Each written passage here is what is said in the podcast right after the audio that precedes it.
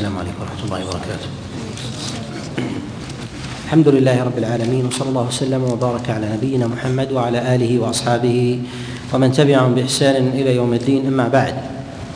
ففي هذه المجالس نتكلم بإذن الله عز وجل على معتقد أهل السنة والجماعة فيما نقله حرب الكرماني رحمه الله وهو من أجلة علماء السلف وفقهائهم وهو كما لا يخفى من تلامذة الإمام أحمد رحمه الله ومن المقدمين في أبواب الفقه وكذلك أيضا في النقل.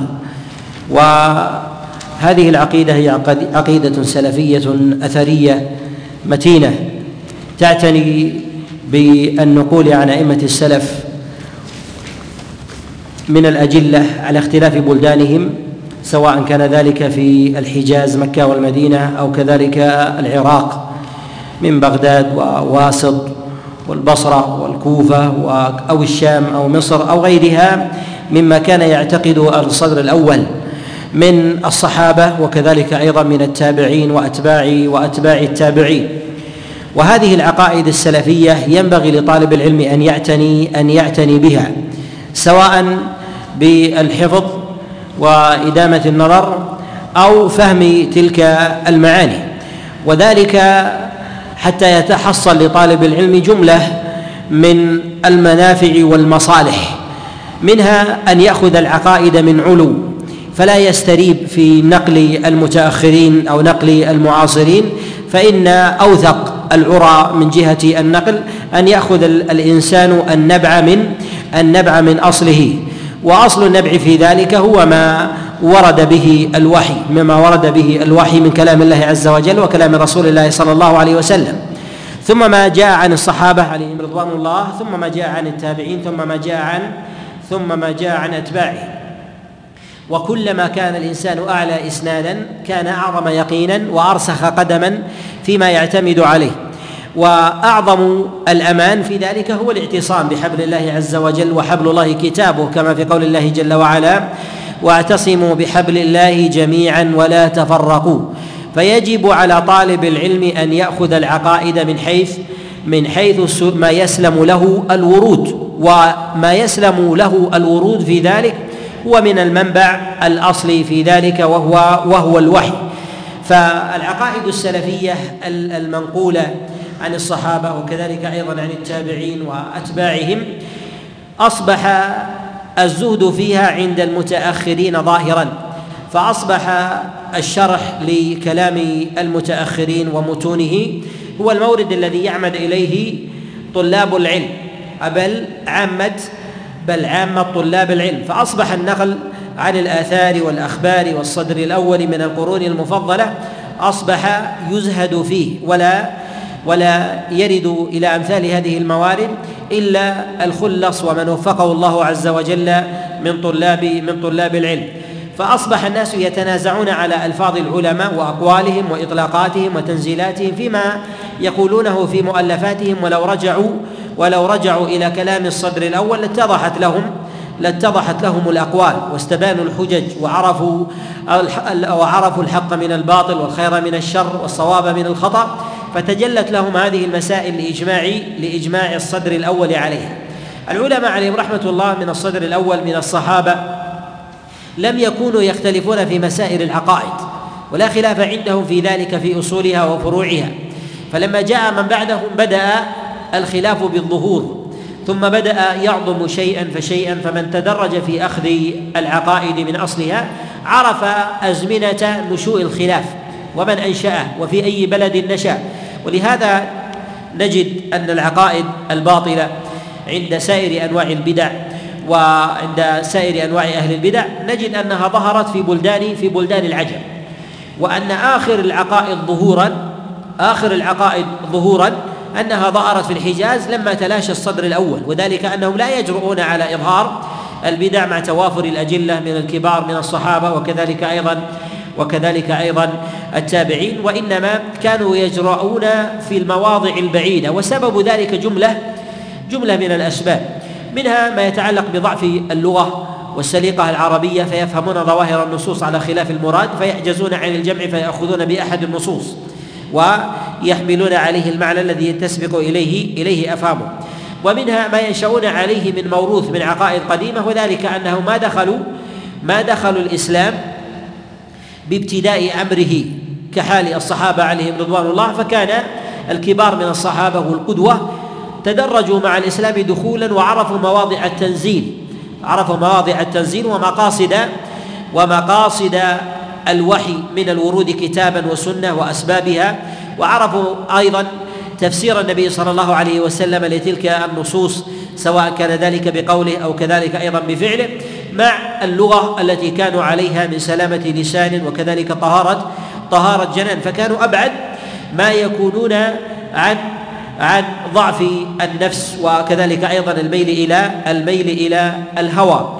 فلم يكن لديهم من الموروثات القديمة من العقائد كما كان عند كثير من أهل العجم من العقائد التي لديها أصل آه، لا أصل أو قبس من وحي قديم كالمجوسية أو اليهودية أو النصرانية أو غير ذلك.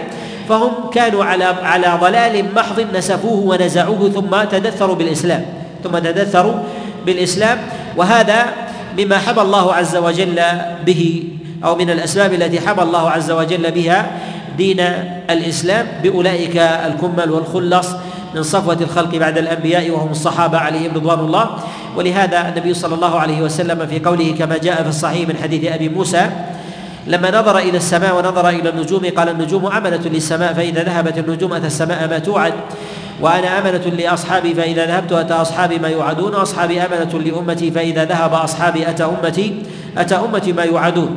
والصحابة عليهم رضوان الله تعالى أيضا ليسوا على مرتبة واحدة يتباينون ولكن ولكن الله سبحانه وتعالى قد زكاهم جميعا وجعلهم أيضا على مراتب. يأتي الكلام عليهم في مسائل تفاضلهم فإذا كان الأنبياء يتفاضلون فيما بينهم فإن الصحابة عليهم رضوان الله تعالى في تفاضلهم فيما بينهم من باب من باب أولى. وكذلك أيضا من الأسباب التي أدت إلى ظهور البدع عند أهل عند أهل الآفاق. ذلك ضعف الديانة والأمانة ضعف الديانة والأمانة. ولهذا نجد أن الكذب لا يعرف عند العرب لا يعرف عند العرب فكانوا لا يكذبون ولو ضاقت بهم السبل وقلت في أيديهم الحيل. ولهذا أبو سفيان لم يفتري على رسول الله صلى الله عليه وسلم وهو عدوه قبل دخوله للإسلام لما سئل عن رسول الله صلى الله عليه وسلم فأنصفه وقال يدعون إلى عبادة الله وإلى الأمانة وإلى وإلى العفاف والحياء و وإكرام وإكرام الضيف. فأنصف رسول الله صلى الله عليه وسلم. والعرب في ذاتها ما كانت تتعمد الكذب وهذا أيضا من الحكم في إنزال الوحي فيها في إنزال الوحي في إنزال الوحي فيها. وقل وأقل الناس كذبا وزهدا وبعدا وتعففا عنه هم قريش. وقد خص الله عز وجل اللسان اللسان بلسانهم حماية لهذا حماية لهذا الكتاب كتاب المنزل. وهذا لم يكن في بقية في بقية البلدان. فكان لديهم جرأة بالكذب أو التورية أو غير ذلك من أو غير ذلك من الأسباب التي تدعوهم إلى إلى مخالفة مخالفة الحق. فظهر لديهم فظهر لديهم الكذب على الله سبحانه وتعالى وكذلك أيضا الوضع في الحديث وغيره. ولهذا لم يكن في التابعين في المدينة كذاب واحد وإنما يوجد في بقية الآفاق في بقية الآفاق ويتباين. ونجد أن الكذابين في أهل الآفاق في طبقتين في طبقة التابعين و وطبقة أتباع التابعين وطبقة الأتباع. نجد أن الوفرة الكثيرة جدا تكثر وتظهر وتظهر في غير في غير الحجاز في غير الحجاز. ولما ذهب الصدر الأول القرن الأول وكذلك أيضا القرن الثاني بدأ الناس يستوون في هذا وذلك لاختلاط بعضهم ببعض اختلاط بعضهم ببعض فضعف اللسان العربي وضعف جانب الديانة وكذلك أيضا آه، الأمانة فظهر الوضع وظهرت البدعة وظهرت الشرور في هذا. ولهذا إذا أراد الإنسان أن ينظر إلى أصول البدع يجد أن منابعها تأتي من أرض العجم تأتي من أرض العجم. بعضهم بحسن قصد بعضهم بحسن قصد وذلك أنه نظر في الأدلة بما بما لديه من لسان من لسان ولغة فحمله على خلاف المراد فحمله على خلاف المراد ثم تعصب لهذا القول وتعصب التلاميذ للشيخ ثم تلامذة التلامذة وأصبح مدرسة وكان منشأه خطأ وكان منشأه خطأ وهذا كثير في الأقوال الشاذة كثير من الأقوال الشاذة نجد أنها تبدأ خطأ أو زلة ثم يتعصب لها صاحبها ويضعف لديه الإيمان والرجوع إلى الحق ثم يدعو إليها ثم يدعو تلامذته إلي إليها ثم يدعو أصحابه إليها ثم تصبح بعد ذلك مدرسة ويقال قال بهذا القول جماعة جماعة من من الفقهاء.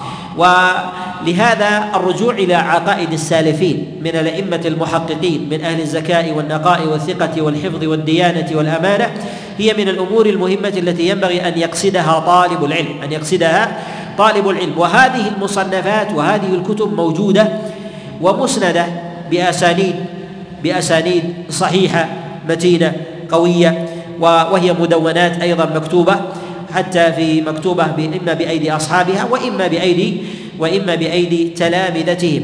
ومن المنافع أيضا التي التي يهتم أو أو تفيد طالب العلم بالعناية بهذه الكتب السلفية القديمة أن طالب العلم إذا اعتنى بالكتب المتقدمة يخرج من تبعة من تبعة أقوال المتأخرين ونزاعاتهم ولهذا نجد أن كثير من الطوائف يتقاذفون عقائد منها ما هو صحيح ولكن يحملهم العصبية والعصبية في هذا إما عصبية عرقية وإما عصبية قبلية وإما عصبية بلدية قطرية وإما أن يكون عصبية عصبية للأشياخ للأشياخ فيتعصبون لأشياخهم ونحو ذلك. ولهذا نجد مثلا من يلمز مدرسة مدرسة ابن تيمية رحمه الله أو شيخ الإسلام محمد عبد الوهاب أو نحو ذلك يلمزها ببعض المصطلحات وهم على عقائد سلفية قديمة. على عقائد سلفية قديمة ما جاءوا بشيء بشيء من عندهم. ولو رجع طالب العلم إلى عقائد السالفين لوجد أن هذه العقائد إنما هي إنما هي أثر لتلك لتلك العقائد السالفة فيكون الإنسان على يقين وعلى بينة كذلك أيضا يخرج من تأثير تلك الحزبيات والعصبيات التي التي تدفع الإنسان عن عن الحق. كذلك أيضا فإن نشر هذه العقائد أيضا في البلدان من الأمور المهمه من الأمور المهمة التي ينبغي لطالب العلم ان أن يهتم بها.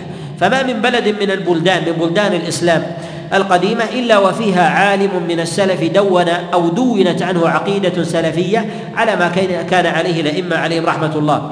سواء كان ذلك من اليمن أو كان ذلك من العراق سواء كان ذلك في بغداد أو الكوفة أو البصرة أو واسط أو كان ذلك من الشام. من دمشق وحمص وحلب أو كان ذلك أيضا من مصر بأقطارها أو كان أيضا ذلك في بعض البلدان كنيسابور وغيرها. نجد أنه ما من إمام من هذه في هذه البلدان إلا وله عقيدة. فلو أحيت هذه العقائد السلفية بأئمتهم الذين كانوا عندهم لكان في ذلك أثرا عظيما. ولهذا الأئمة المتعصبة الذين يحجبون العقيدة الصحيحة آه، عن المتأخرين ويدعون أن هذه العقائد المتأخرة إنما هي عقائد ناشئة جديدة ليست على عقائد ليست على عقائد السلفيين ليست على عقائد السلفيين يعني من الصحابة وكذلك أيضا التابعين. أحدثت الجماعة الفلانية أحدثها الحنابلة أحدثها التيمية أحدثها الوهابية وغير ذلك من المصطلحات التي يرمون يرمون بها يرمون بها عقيدة أهل الحق عقيدة أهل أهل الحق فلو أرجعوا إلى عقائد أهل بلدهم من السالفين لرجعوا في ذلك إلى لرجعوا في ذلك إلى عقيدة سلفية صحيحة بأيدي بأيدي أهل الأهل بلدهم من أئمة من أئمة السلف. وأذكر في هذا موقفا أن أنني لما كنت في زيارة إلى تونس وزرت وألقيت درسا ومحاضرة في جامع عقبة بن نافع في القيروان ومعلوم أن المذهب هناك مذهب مذهب مالك والعقائد في ذلك أشعرية في الأغلب سواء كان ذلك في المدارس النظاميه أو كان ذلك في أيضا في حلق العلم والمجالس. فكانت عقيدة غالبة وكان ثمة نوع من الاستيحاش في العقائد السلفية المتأخرة التي دونها دونها الأئمة عليهم رحمة الله في مسائل الإيمان وكذلك أيضا في مسائل في مسائل الصفات. وفروع هذه المسائل وهذه وهاتان المسألتان هي من أهم من أهم المسائل التي وقع فيها فيها الخلاف. مسألة الإيمان ومسائل ومسائل الأسماء الأسماء الأسماء والصفات. فكان لديهم نوع من الاستيحاش وكذلك أيضا ربما تمنع عليهم تلك العقائد آه، السلفية المتأخرة. فكان ثمة إشارة إلى كتاب الرسالة لابن أبي زيد القيرواني.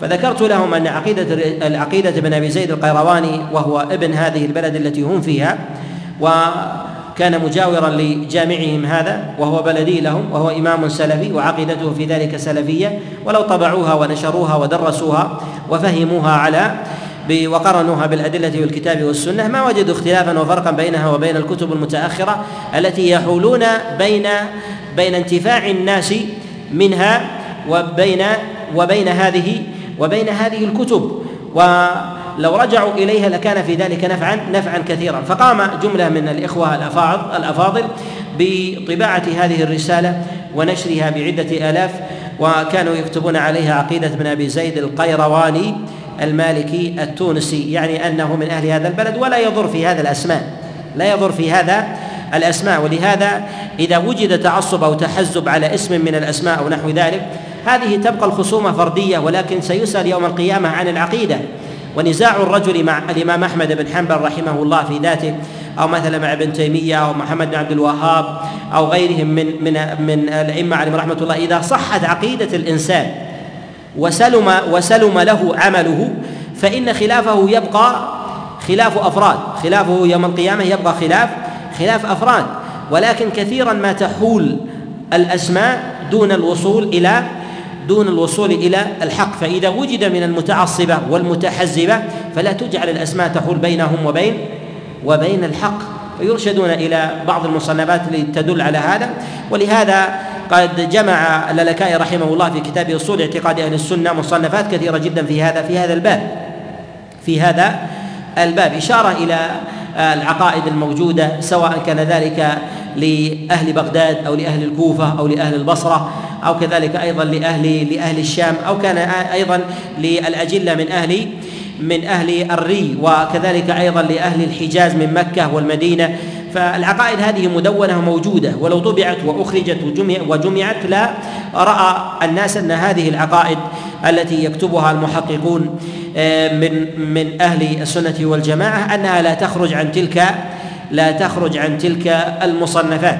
وهذه العقيدة هي من هذا النوع وهذه العقيدة هي من هذا من هذا النوع والعناية بها هي من الأمور المهمة كذلك أيضا نشرها بين الناس فإنها أيضا عقيدة آفاقية هي عقيدة آفاقية وطبعها ونشرها لأهلها ولغيرهم دلالة على ما كان عليه السلف الصالح عليهم رحمة الله من عقيدة واحدة في الحجاز وفي نيسابور وفي العراق وفي الشام وفي مصر وفي اليمن كلهم على أمر واحد. ولهذا الإمام البخاري رحمه الله وله عقيدة ورسالة أيضا وهي وهي موجودة وقد دونها عليه رحمة الله أيضا بنفسه.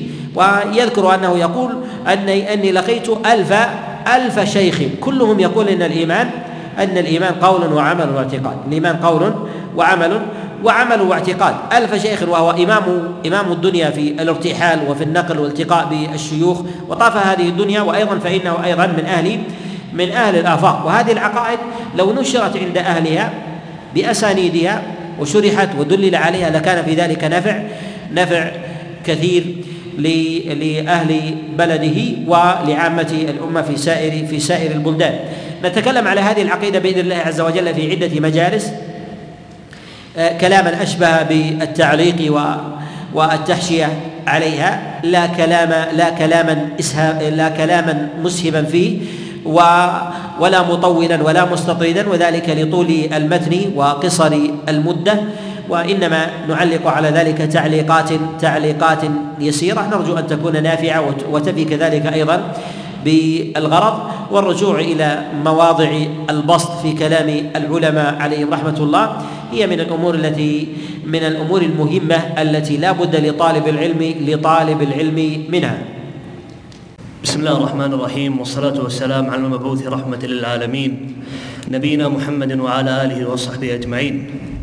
قال المصنف رحمه الله تعالى باب القول بالمذهب قال أبو القاسم حدثنا أبو محمد حرب بن إسماعيل قال هذا مذهب أئمة العلم وأصحاب الأثر وأهل السنة المعروف المعروفين بها المقتدى بهم فيها من لدن أصحاب النبي صلى الله عليه وسلم إلى يومنا هذا وأدركت من أدركت من علماء أهل العراق والحجاز والشام وغيرهم عليها فمن خالف شيئا من هذه المذاهب أو طعن فيها أو عاب قائلها فهو مبتدع خارج عن الجماعة زاجل عن عن منهج السنة وسبيل الحق. وهنا إشارة إلى أن مسائل العقائد هي محل إجماع، مسائل العقائد هي محل محل إجماع. والخلاف إنما يحكى في مسائل فروع الدين ومسائل الفقه والنظر والرأي فإنها يقبل يقبل فيها يقبل فيها النظر. أما مسائل العقائد فهي محل إجماع وإن اختلفت البلدان. وإن اختلفت البلدان. ولهذا قل التصنيف فيها عند الصدر الأول أعني الصحابة والتابعين.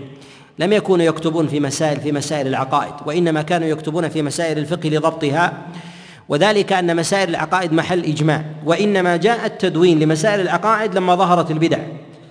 لما ظهرت ظهرت البدع. ما كتب الصحابة عليهم رضوان الله تعالى مصنفات في أبواب العقائد وإنما لهم لهم كتابات في مسائل الفقه. لهم كتابات مسائل.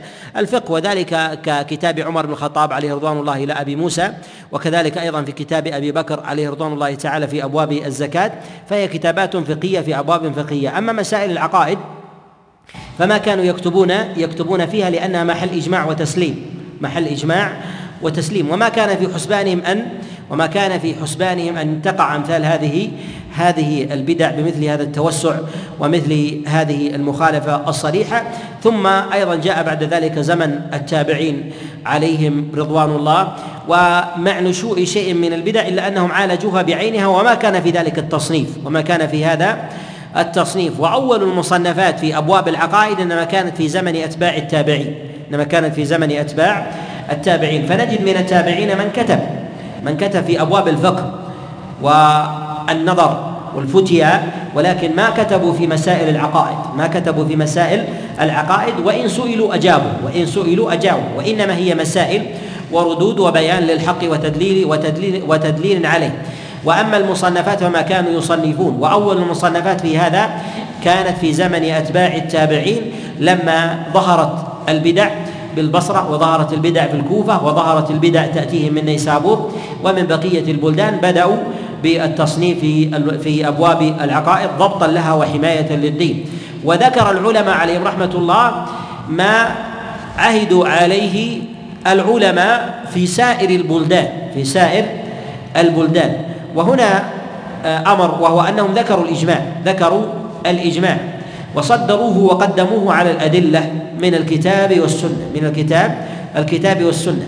نقول إنما ذكروا هذا الإجماع لأن لأنه إجماع على سائر على سائر المسائل التي يريدها المصنف بعد بعد ذلك فهي التي أجمع عليها العلماء من أهل الحجاز والعراق وكذلك أيضا الشام ومصر وغيرها. وأما التدليل على المسائل وفرعياتها فهذا باب فهذا باب آخر. كذلك أيضا فإن الإجماع أقوى من النص من وجه أقوى من النص من وجه وذلك أن الإجماع لا يدخله النسخ أن الإجماع لا يدخله النسخ. وأما بالنسبة للنص فقد يطرأ عليه نسخ قد يطرأ عليه عليه نسخ. فإذا ثبت له ناسخ فإنه ينسخ ولكن إذا أجمعت الأمة على شيء فإنها تلغي ما جاء بعد ذلك. ولو قيل وافترض أن الناس أجمعوا بعد الإجماع الأول فلا, فلا اعتبار فلا اعتبار بالقول في القول الثاني. ولهذا صدروا مسألة الإجماع وإن كان الدليل أو النص في ذاته أشرف. الدليل في ذاته في ذاته أشرف وأعظم ولكن بالنسبة للنص فإنه في ذلك يكون أحكم. النص في هذا الإجماع يكون أحكم من جهة من جهة عدم ورود ورود النص عليه. ولهذا ذكروا هذه المسائل المسائل التي أجمع عليها العلماء وهذا في سائر القرون. فذكروا البلدان وذكروا وذكروا القرون وذكروا كذلك أيضا المخالفين. فهؤلاء الذين قد اجتمعوا من أهل هذه القرون سواء كانوا من الصحابة أو كانوا من التابعين لأن هذه البلدان قد دخلها الصحابة قد دخلها الصحابة سواء كانت الحجاز ومكة والمدينة وهي ماقل جلهم أو كانوا ذلك أو كان ذلك في أو كان ذلك في العراق. ومن البلدان في العراق من لم من لم يدخلها الصحابة من لم يدخلها الصحابة عليهم رضوان الله ويستوطنوها وذلك كبغداد وذلك أن بغداد إنما نشأت بعد بعد ذلك. أما الكوفة وكذلك أيضا البصرة فقد دخلوها وكذلك أيضا الشام ببلدانها وكذلك أيضا في نيسابور وما وراء النهر وكذلك أيضا مصر وغيرها من البلدان كاليمن وغيرها. فهذه قد دخلها الصحابة فضلا عن التابعين وكذلك أيضا أتباع وكذلك أيضا اتباع أتباع التابعين فهم أجمعوا واستقر الأمر على على ذلك ولا يخالفهم إلا مبتدع مبتدع زائر. ويكفي في ذلك أنهم اجتمعوا على أمر على أمر فالخيرية فيه كما في قول النبي عليه الصلاة والسلام في حديث عمران بن حصين في الصحيح قال خير الناس قرني ثم الذين يلونهم ثم ثم الذين يلونهم.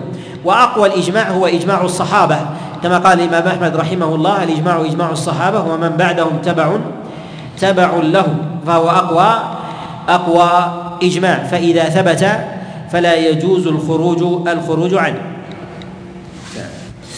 وهو مذهب أحمد وإسحاق بن إبراهيم بن مخلد وعبد الله بن الزبير الحميدي وسعيد بن منصور وغيرهم ممن جالسنا وأخذنا عنهم العلم فكان من قولهم الإيمان قول وعمل ونية وتمسك وهنا بالسنة.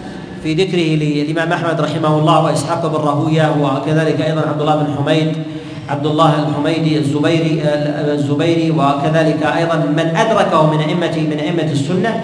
نقول إن هذا النقل لأجلة الشيوخ الذين أخذ عنه لأجلة الشيوخ الذين الذين أخذ أخذ عنه. وهذا الذي عليه إجماعهم وذلك أن هؤلاء الأئمة فيهم خصيصة قلما تجتمع تجتمع في تجتمع في أهل زمانه. فقد اجتمع في الإمام أحمد رحمه الله من خصال من خصال الفضل والجلالة ما لا يكاد يجتمع في أحد من أهل زمانه. وذلك لارتحاله وكثرة لقيه للشيوخ فإنه قد التقى بالشيوخ ما لم يلت بشيوخ لم يلتق بهم أو لم يجمعهم أحد مثله عليه رحمة الله. ومثله أيضا كذلك إسحاق بن راهوية وإسحاق بن إبراهيم بن راهوية عليه رحمة الله وكذلك أيضا عبد الله بن الزبير الحميدي رحمه الله وهو أيضا من شيوخ الإمام البخاري رحمه الله. ونقله عن هذه الطبقة نقل نقل آه، للعلو وذلك أنه أعلى الشيوخ بالنسبة لحرب لحرب الكرماني رحمه الله. فكان من قولهم الإيمان قول وعمل ونية وتمسك بالسنة والإيمان يزيد وينقص. هنا في قوله وغيرهم ممن جالسنا وأخذنا عنهم العلم فكان من قولهم. وهنا يؤكد الإجماع الذي تقدم الكلام الكلام عليه. وصدر هنا أول هذه المسائل وهي أول المسائل التي وقع فيها وقع فيها نزاع وهي مسألة الإيمان وهي مسألة الإيمان. ويقول أنهم يقولون يعني يجمعون على أن الإيمان قول وعمل ونية وتمسك بالسنة. الإيمان له عدة تعريفات في كلام العلماء وهو في اللغة المراد به به التصديق المراد به المراد به التصديق. هذا باللغة في لغة العرب ولكن هذا أحد معانيه وليس المعنى الذي يراد به يراد بالشرع ولكن ما يراد بالشرع بالإيمان هو أعلى مرتبة من التصديق فلا بد أن يقرن مع التصديق الانقياد والاستجابة أو يقرن معه الطمأنينة. فيقال إن الإيمان إن الإيمان هو التصديق والطمأنينة أو التصديق والانقياد. أو التصديق والاستجابة يعني لما أمر الله سبحانه وتعالى وتعالى به. وذلك أن الإيمان ومن معانيه التصديق في لغة العرب ولكن ليست جميع معانيه. ومعلوم أن المصطلح الشرعي قد يأتي موافقا للمعنى اللغوي وقد يأتي مغايرا له من وجه فيكون أوسع أوسع منه. وذلك كمعاني الصلاة ومعاني الزكاة ومعاني الصيام وغير ذلك فهي معاني لها مدلول من جهة اللغة ولكن من جهة اصطلاح الشرع له معنى من؟ له معنى يختلف يختلف عن عن المعنى اللغوي. ثم أيضا إن المعنى اللغوي يختلف وضع الناس لهم بحسب استعمالاتهم فتجد أن أهل الحجاز لهم وضع وتجد أن أهل نجد لهم وضع وأهل اليمن لهم وضع وهم أيضا لهم لهم أيضا مواضع في الاستعمال في اليمن وكذلك أيضا في طي لهم وضع وكذلك أيضا في العراق لهم وضع. ومع أن اللفظ في ذلك واحد وذلك أن ألفاظ الشريعة يرجع فيها في فهمها إلى معاني الشريعة التي تجمع المراد من ذلك الاصطلاح وذلك اللفظ. ولهذا نجد مثلا قول الله سبحانه وتعالى وكلوا واشربوا حتى يتبين لكم الخيط الأبيض من الخيط الأسود من الفجر. هذا معنى وهو الخيط الأبيض من الخيط الأسود من الفجر. له عدة معاني. له عدة عدة معاني. معاني لغوية ومعاني وضعية. فوضع أهل الحجاز يختلف عن وضع أهل طي. فنجد أن الحجاز في وضعهم لهذا المعنى يريدون من ذلك سواد الليل وبياض النهار كما جاء في حديث عدي بن حاتم عليه رضوان الله تعالى في الصحيح. وأهل طي في وضعهم لهذه العبارة يرون أن الخيط الأبيض والخيط الأسود المراد بذلك هي الحبال والعقال وأن السواد والبياض هو سواد لونها وبياض لونها. فلما كان من جهة اللغة المعنى في ذلك في ذلك صحيح على الوجهين فلا بد من الصيرورة إلى المعنى المعنى الشرعي الذي يضبط المعنى المعنى الصحيح على وفق ما أراده الله سبحانه وتعالى. ولهذا بعض الألفاظ التي تأتي في الشريعة فتفسر بمعاجم اللغة أو ربما ببعض الوضع الذي يستعمل في بعض البلدان يخرجها عن معناها المراد من جهة الأصل. المعنى المراد من جهة الأصل. ولهذا لما أخذ عدي بن حاتم المعنى على ما فهمه في قومه وهو من جهة اللغة صحيح فإنه اختلف عنده الحكم الشرعي. فتأخر وقت الفجر لديه. فتأخر وقت فتأخر وقت طلوع الفجر لديه وتأخر أيضا باب الإمساك باب الإمساك عنده. ولهذا قال له النبي صلى الله عليه وسلم إن ليلك لطويل. والمراد بهذا أن الليل يبقى يبقى طويلا لديك وذلك أنك لا تميز لا تميز اللون لا تميز اللون حتى حتى يصفر في ذلك النهار وقد بدأ وقد بدأ الفجر ولاح في ولاح في في جو في جو السماء. ولهذا نقول إن المعاني ومنها الإيمان لا بد من فهمها على المعنى على المعنى الشرعي. والمعنى الشرعي يدرك في الإيمان بإطلاقات الإيمان ومدلولاته في نصوص الشريعة في نصوص الشريعة. فإذا قلنا الإيمان إنه التصديق المجرد فيلزم من ذلك أنه من صدق بقلبه ولو لم يظهر ذلك الانقياد بلسانه وجوارحه أنه تحقق فيه فيه الإيمان فيه الإيمان. وأدنى مراتب معاني الإيمان هو التصديق هو التصديق. وأوسعها وأكملها التصديق والطمأنينة والاستجابة. والانقياد الاستجابة والانقياد. ولهذا بعض العلماء يقول إن الإيمان مشتق من الأمان مشتق من من الأمان. والأمان قدر زائد عن التصديق. والأمان هو قدر زائد عن عن التصديق. فمجرد التصديق ربما يصحبه شيء من الريب أو التردد الذي يمنع الإنسان من الانقياد. أو ربما يصحبه شيء من الكبر والجحود الذي يمنع الإنسان من من من الاستجابة لما أمر الله سبحانه وتعالى لما أمر الله جل وعلا به. فكل إيمان لا يصحبه استجابة ولا طمأنينة فليس الإيمان الشرعي المقصود في كلام الله سبحانه وتعالى وإنما هو المع هو أحد معاني اللغة هو أحد معاني معاني اللغة. ولهذا عند التعريف بالمصطلحات الشرعية ينبغي عدم عدم الاعتماد على المعاجم اللغوية مجردة. بل لا بد من النظر بل لا بد من النظر في النصوص العامة التي جاء هذا المصطلح في سياقاتها فيخرج من ذلك منه ذلك ذلك المعنى. ولهذا نجد أن الشريعة لا تجعل الرجل الذي يصدق بقلبه ولم يلفظ بلسانه مؤمن ولا تجعل أيضا من يصدق بقلبه ويتلفظ بلسانه ولكنه يمتنع عن الانقياد يمتنع عن الانقياد. لا تجعله كذلك أيضا مؤمن لأنه لم يقرن ذلك بالجوارح. ولهذا ذكر المصنف رحمه الله أمر الإيمان ردا على من يفسر ما يأتي بمعنى الإيمان أنه التصديق المجرد عن الاستجابة والانقياد والطمأنينة أنه التصديق القلبي فقط أنه مخالف لما عليه أولئك أولئك السلف. فقال الإيمان قول وعمل ونية وتمسك بالسنة. اذا هذا هو الإيمان الذي الذي يرد في نصوص الشريعة. الذي يرد في نصوص في نصوص الشريعة.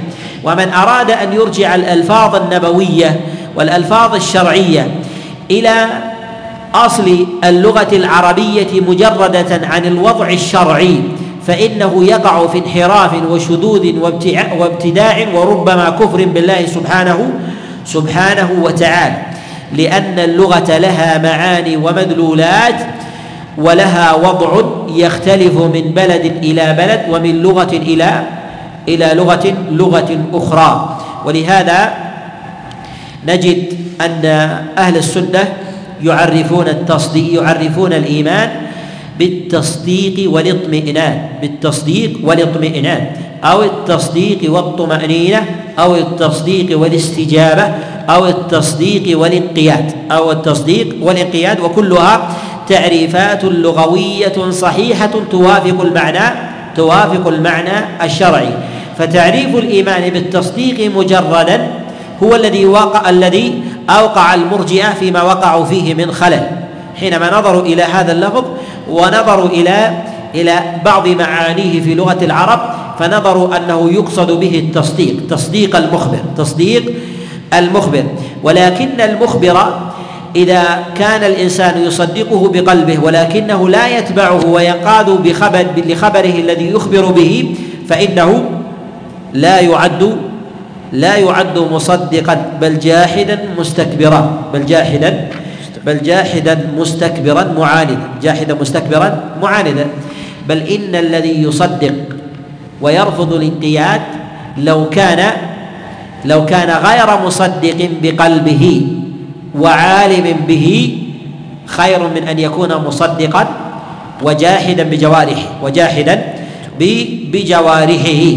ووقع الضلال في هذا عند طوائف آه، طوائف من المبتدعه في معنى الإيمان وكانوا على طوائف. وأصل ضلالهم في هذا على ما تقدم أنهم اعتمدوا على المعنى اللغوي المجرد وعملوا وطوعوا الحقيقة الشرعية عليه.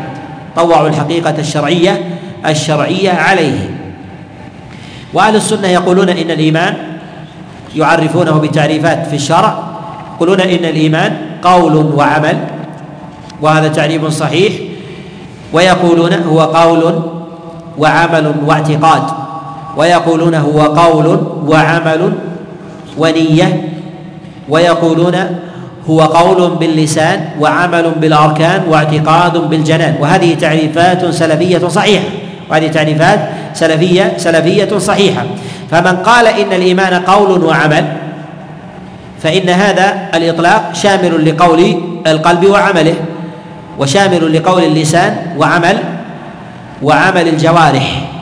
فإن القلب له قول وعمل. القلب له قول وعمل.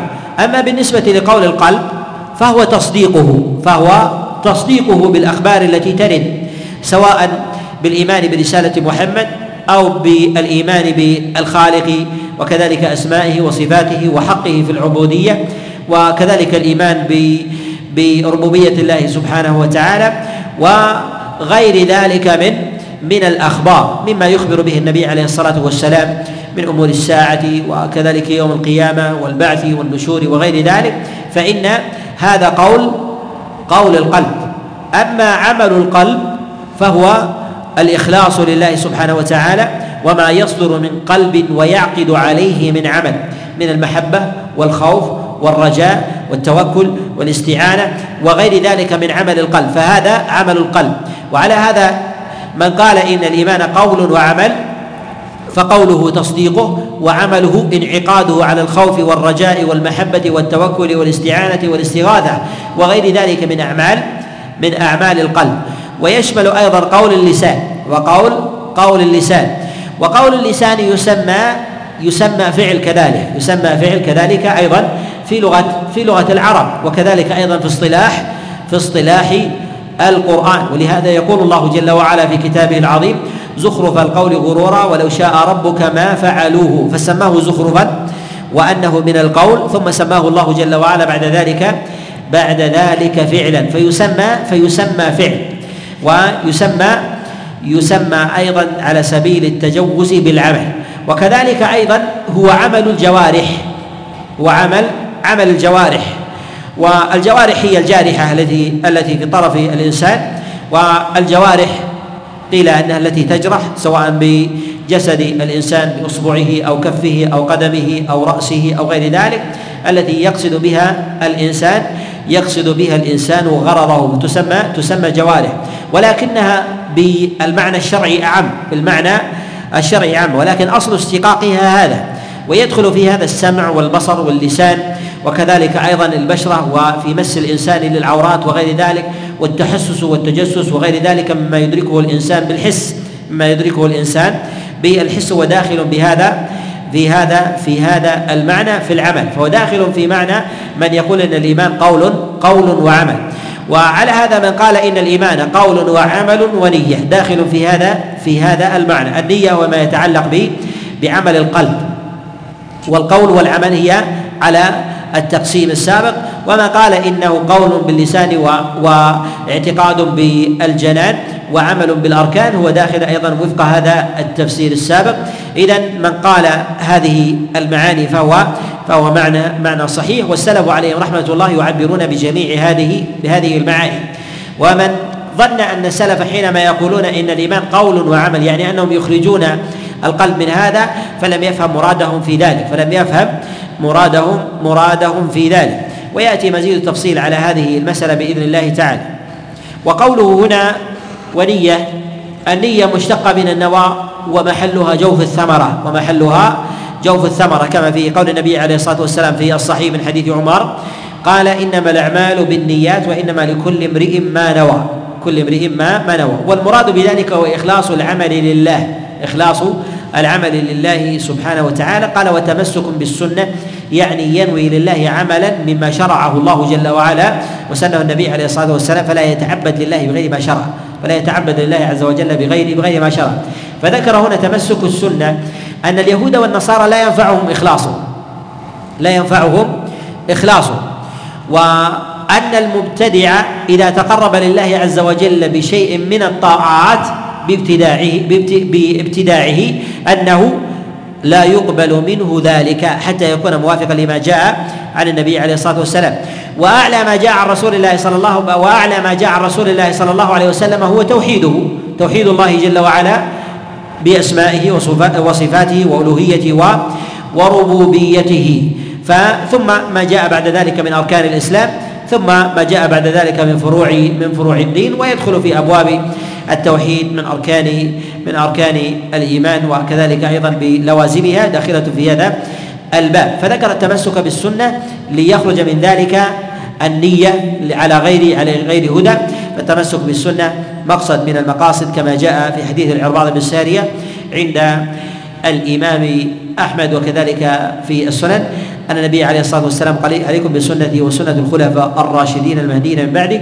وكذلك أيضا في قوله سبحانه وتعالى وأن هذا صراطي مستقيما فاتبعوه ولا تتبعوا السبل فتفرق بكم عن سبيله. اشار إلى وجوب الاقتداء بهدي النبي عليه الصلاة والسلام. والسبل كما قال كما قال مجاهد فيما رواه ابن أبي نجيح عنه قال هي البدع والشبهات يعني التي تخالف فيها تخالف الحق الذي أمر الله سبحانه وتعالى سبحانه وتعالى به.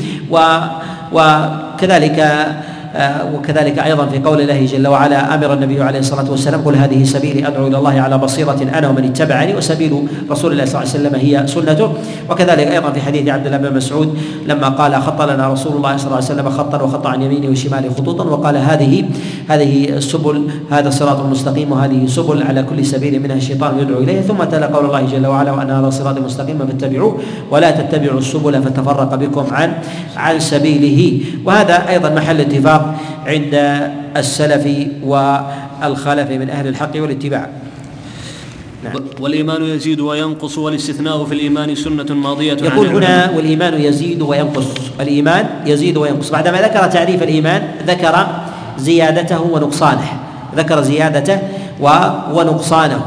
والإيمان يزيد وينقص بنص الآية والحديث. وقد تواتر هذا الأمر في كلام الله سبحانه وتعالى كما في قول الله جل وعلا وزدناهم وزدناهم هدى ويزيدهم إيمانا. وكذلك أيضا في قول النبي صلى الله عليه وسلم كما جاء في حديث أبي سعيد الخدري من رأى منكم منكرا فليغيره بيده فإن لم يستطع فبلسانه فإن لم يستطع بقلبه. وذلك اضعف أضعف الإيمان. وجاء أيضا في الحديث الآخر قال وليس وراء ذلك من الإيمان حبه حبة خردل. فالإيمان يضعف حتى يكون كوزن البرة آه، أو الذرة. أو الشعيرة كما جاء التعبير عنه في جملة من الأحاديث وكذلك أيضا يعبر عنه بالخير ويعبر كذلك أيضا عنه بالإيمان. كما جاء في حديث أبي هريرة في الصحيح أن النبي صلى الله عليه وسلم قال يخرج من النار من في قلبه مثقال ذرة من إيمان. وجاء في رواية يخرج من النار من في قلبه مثقال برة وجاء في رواية يخرج من النار من كان في قلبه مثقال شعيرة من من إيمان. هذا إشارة إلى ضعف الإيمان ومعلوم أن ثمة أعمال ما هي أعظم أعظم آه، من من هذا. وهو يزيد ويزيد يزيد وينقص. يزيد بالطاعة وينقص بالمعصية. يزيد بالطاعة وينقص بالمعصية. لكنه لا يتحقق لا لا يتحقق إلا بالتوحيد ولا يزول إلا بالكفر ونواقضه. و لا يكمل الإيمان إلا بتحقق شعب الإيمان أو جلها مع مع التوحيد بجلها مع التوحيد وهو أصلها كما في قول النبي صلى الله عليه وسلم كما جاء في حديث أبي هريرة في الصحيح قال الإيمان بضع وستون وفي رواية بضع وسبعون شعبة أعلاها لا إله إلا الله وأدناها إماطة الأذى عن الطريق. هذه الشعب يكون الإنسان صاحب إيمان قوي إذا حققها إذا حققها أو حقق جميعها وإذا حققها أو حقق جميعها أو حقق أكثرها ويكون مع أكثرها الإيمان. يكون مع أكثرها الإيمان. ولا يوجد معها شيء من الكبائر والموبقات والعصيان. شيء من الموبقات والموبقات والعصيان. فإنها تضعف على الإنسان على الإنسان إيمان. على هذا نقول إن الإنسان يزيد إيمانه بالطاعة وينقص بالمعصية ولكنه لا يدخل الإيمان إلا بتوحيد الله والكفر لا يدخله إلا إلا بأسبابه وهي نواقضه وهي نواقضه ولهذا إذا تحققت شعب الإيمان في الإنسان ولم إلا شعبة لا إله إلا الله فهل تحقق فيه الإيمان؟ ما تحقق فيه الإيمان ما تحقق فيه الإيمان إذا لا إله إلا الله ولوازمها التي لا تصح إلا بها لا بد من وجودها في وصف كل مؤمن في وصف كل كل مؤمن. وأما الكفر فوجود شعبة من شعب الكفر كافية في وصف الكفر كافية في وصف الكفر. أما الإيمان وجود شعبة من شعب الإيمان لا تكفي في وصف الإيمان لا تكفي في وصف الإيمان. حتى يأتي بالشعبة الأولى ولوازمها التي لا تصح إلا لا تصح إلا إلا إلا بها وبهذا نعلم أن ما يعتقده العامة من أن فلانا يتصدق وفلان يحسن ويكرم الجار ويرحم ويغيث ويعالج المرضى وغير ذلك أن هذه لا معنى لا معنى لها لماذا لا معنى لها؟ لأن هذا المعنى موجود في البهائم أيضا موجود في في البهائم فهو خصلة فطرية هو خصلة فطرية موجود في الطير وفي بهائم الأنعام وفي في الوحوش والجراد وغير ذلك ترحم بعضها بعضها بعضا. فالطيور ترحم فراخها وتوجل لها وربما ماتت في بعضها في فقد ولدها وتحسن إلى إلى بعض أهل أهل جنسها وغير ذلك من من الأمور التي فطر الله عز وجل عليها. فإذا وجدت هذه المعاني في الإنسان هل لها أثر على الإيمان؟ نقول تزيد الإيمان إذا كان الإنسان قد دخل الإيمان وأخلص لله عز وجل بعمله ذلك. أما مع عدم الإيمان فيبقى هذه دائرة أوجدها الله فطريه في الحيوان والإنسان. أوجدها الله في الحيوان والإنسان. ولهذا تجد الكافر وتجد الملحد يرحم بني جنسه ويرحم ولده ويرحم أمه ويرحم جاره ويميط الأذى عن الطريق إذا لا بأصل هذا هذا هذه هذه العلل فلا بد من ثبوت أصل الإيمان ثبوت أصل الإيمان هو موضع موضع النزاع في والمعترك في أمثال هذه المسائل بين أهل الإيمان وأهل الزندقة والطغيان. والاستثناء في الإيمان سنة ماضية عن العلماء. وإذا سئل الرجل وقوله هنا والاستثناء في الإيمان سنة ماضية الاستثناء في الإيمان أن الإنسان يسأل وأنت مؤمن فيقول أنا مؤمن إن شاء الله. أنا مؤمن إن شاء إن شاء الله. فلا يريد من ذلك ريبا أو شكا في ثبوت إيمانه بالله سبحانه وتعالى. ولكن استثناءه إنما وقع إنما وقع على عدم تمام إيمانه أو يقينه بذلك. وذلك حتى لا يزكي الإنسان نفسه. فلا يقول إيماني كامل كإيمان فلان فلما كانت كان لفظ الإيمان من المعاني المشتركة الذي يكون فيها إيمان الملائكة وإيمان الأنبياء وإيمان وإيمان الصديقين والشهداء والعلماء والفساق وأهل العصيان والطغيان يدخلون في دائرة في هذه الدائرة في هذه الدائرة. فالإنسان لا يزكي نفسه فيطلق أمثال هذه الألفاظ حتى يسبق إلى الذهن أن المراد بذلك أعلى مراتب مراتب الإيمان. حتى لا يظن وفيه أيضا يتضمن الإقرار يتضمن الإقرار بالتقصير يتضمن الإقرار بالتقصير.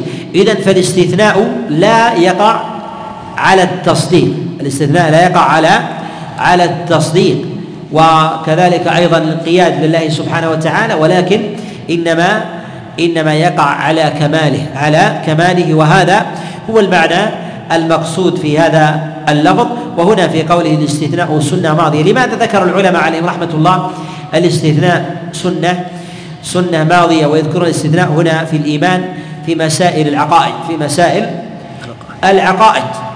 ونقول إن من الأسباب التي يذكرها العلماء عليهم رحمة الله للاستثناء أن أن ذكرهم للاستثناء فيه رد على من من يقول إن الإيمان أمره واحد أن الإيمان أمره واحد وهؤلاء طائفتان الخوارج والمرجئة.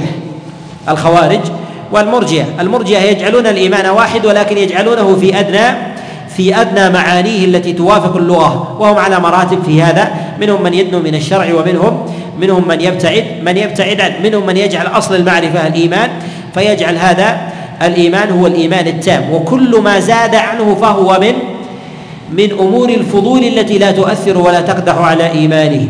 ومنهم من يجعل مع الاعتقاد القول ومنهم من يجعل من من من يجعل مع الاعتقاد العمل ولكن لا يجعله ركنا من أركان الإيمان. لا يجعله ركنا من أركان الإيمان ويأتي التفصيل في هذا في هذا المعنى في مسائل ما يطلقه العلماء عليهم رحمة الله في التعريف في أمثال هذه المعاني في قولهم الركنية أو الشروط وكذلك أيضا في التكوين أو التركيب تركيب الإيمان وغير ذلك من إطلاقات يأتي بيانها بإذن الله تعالى. فذكروا هذا الاستثناء لأن السلف يقرون هذا الأمر لأنهم يعلمون أن الإيمان يزيد وينقص أن الإيمان يزيد وينقص وفيه رد على على من يقولون إن الإيمان إن, إن الإيمان آه، هو أمر واحد وهؤلاء من الخوارج وكذلك أيضا المرجئة. ومن الأسباب التي يريدون فيها هذه المسألة الرد على من منع من هذا وذلك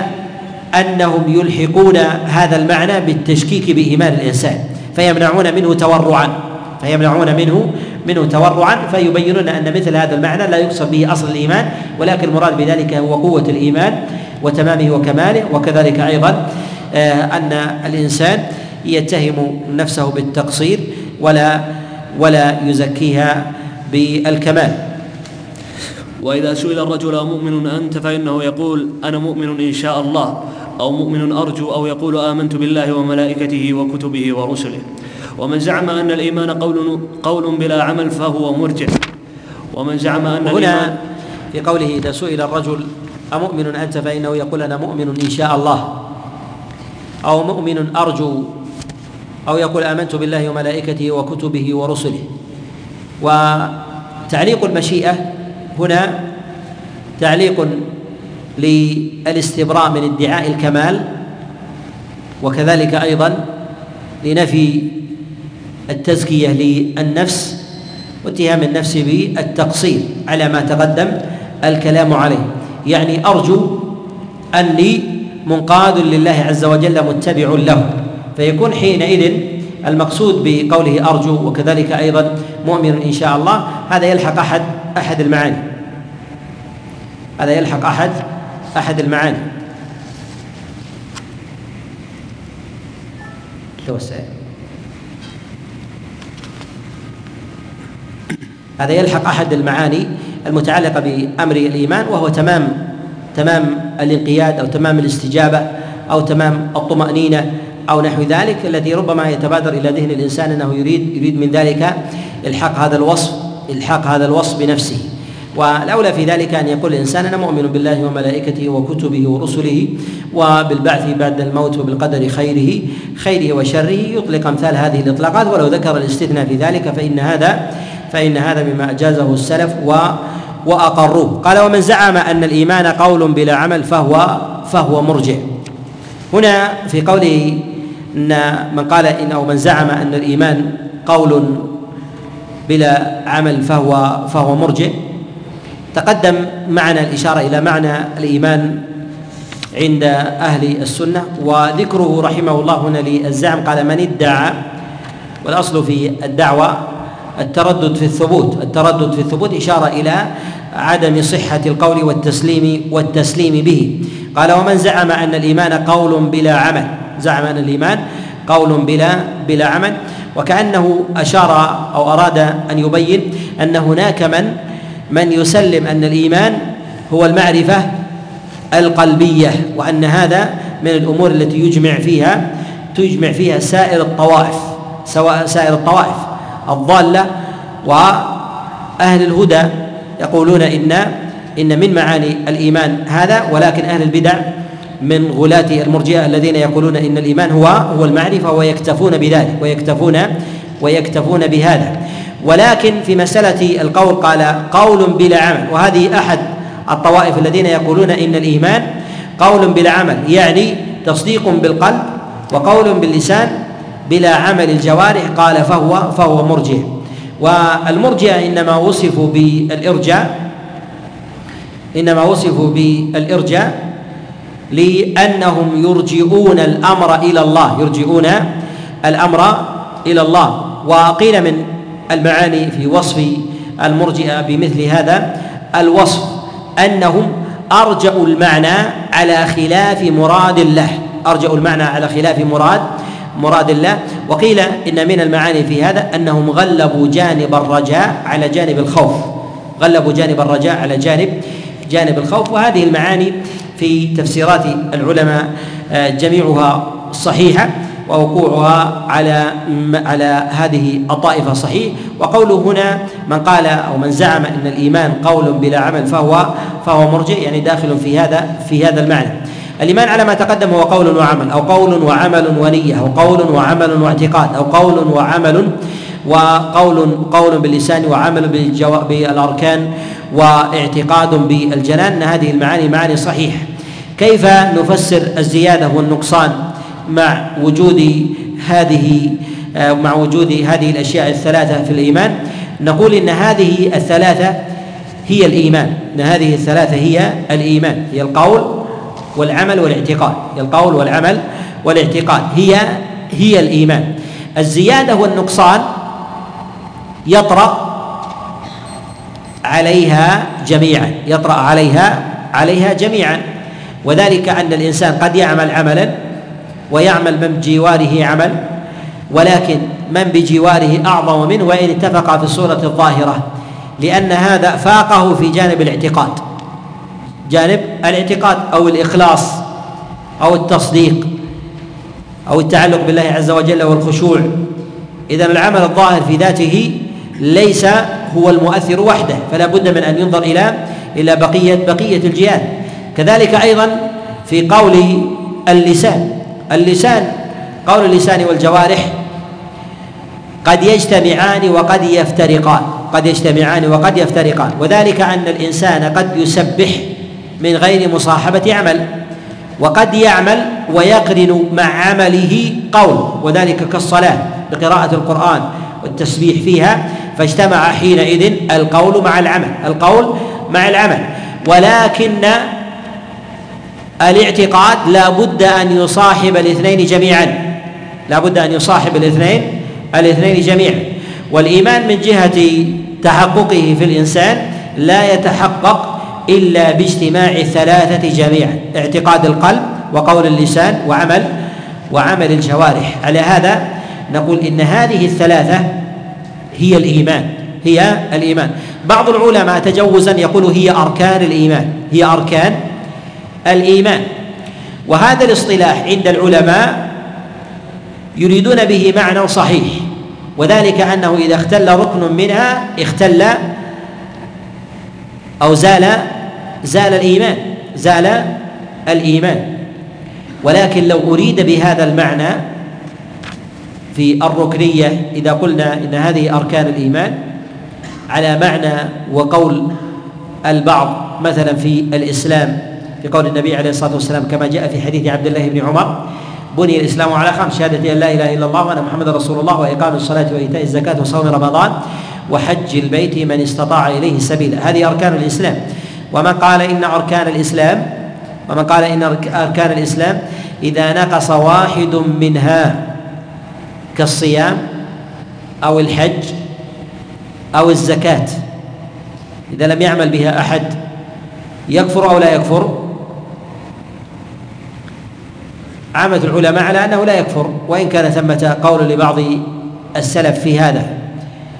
فهل يقال بأن الإنسان إذا لم يأتي بشيء من هذه الثلاثة الاعتقاد أو قول اللسان وعمل الجوارح أنه لا لا يكفر قياسا على أركان الإسلام؟ نقول إذا أريد به هذا المعنى هو معنى معنى خاطئ. معنى خاطئ. ولكن العلماء عليهم رحمة الله الذين يطلقون أركان أركان الإيمان أركان الإيمان فيقولون هذه هذه الثلاثة هذه الثلاثة. فنقول هذا معنى معنى صحيح. إذا أريد به إذا إذا انتفى واحد انتفى انتفى الإيمان انتفى الإيمان. فنقول حينئذ إن هذه الثلاثة بالنسبة للإيمان كالركعات الثلاث بالنسبة لصلاة المغرب. لصلاة المغرب. إذا زالت ركعة فليست فليست مغربا فليست مغربا ولكنها صلاة لا الصلاة المشروعة لا الصلاة المشروعة ب أو بما تسمى بالمغرب. كذلك أيضا لو قال إنسان أنا مصدق بقلبي قائل بلساني والإيمان هو التصديق ولكنه لم يعمل بعمل الجوارح يقال إن هذا إيمان يصح عليه من بعض وجوه اللغة ولكنه ليس هو الإيمان الذي جاء به رسول الله صلى الله عليه وسلم. رسول الله صلى الله عليه وسلم. لهذا نقول لا بد من الاتيان بهذه الثلاث.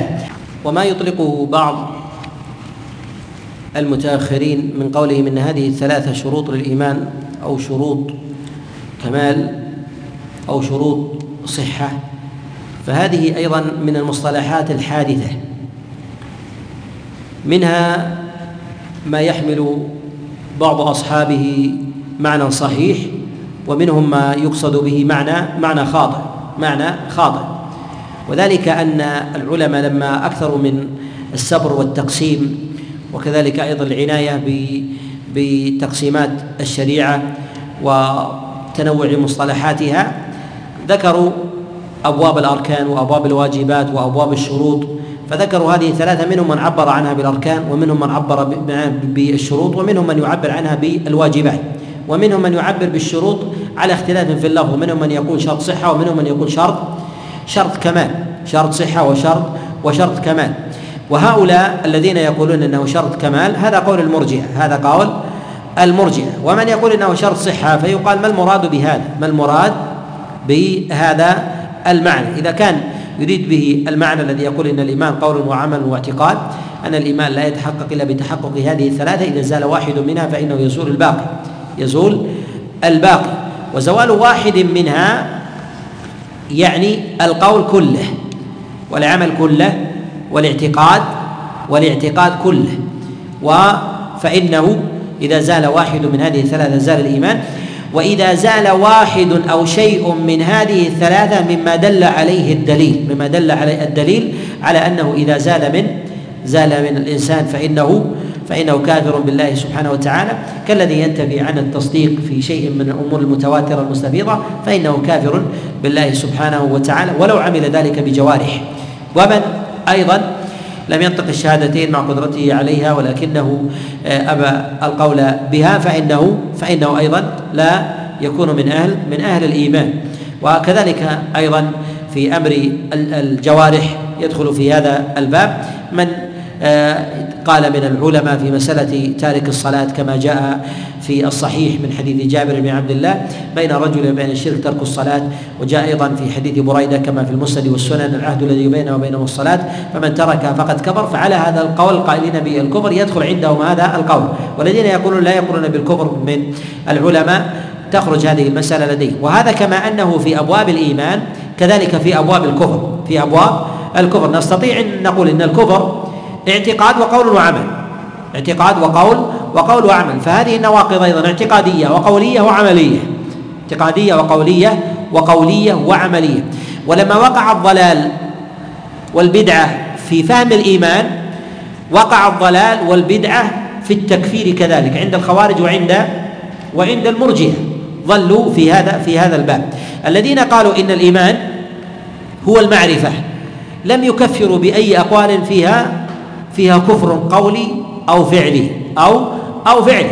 ومن قالوا إن الإيمان اعتقاد بالقلب وقول باللسان لم يكفروا بعمل بعمل الجوارح بعمل الجوارح لأنهم يرون أنها خارجة عن الإيمان وهم أيضا على مراتب في هذا في هذا الأمر. منهم من يلتزم في التكفير ومنهم من لا يلتزم في التكفير عند ورود ورود المكفر ومنهم من يقول إذا صدر منه كفر نرجع إلى قلبه. يعني يريد ناقض بما يؤمن أن الإيمان لا يثبت إلا به لا يثبت إلا به لأن أصل تقسيم الإيمان لديه خاطئ وفهم الإيمان لديه لديه خاطئ فهو لا يكفر إلا إن انتفى عنده الاعتقاد وانتفى عنده القول.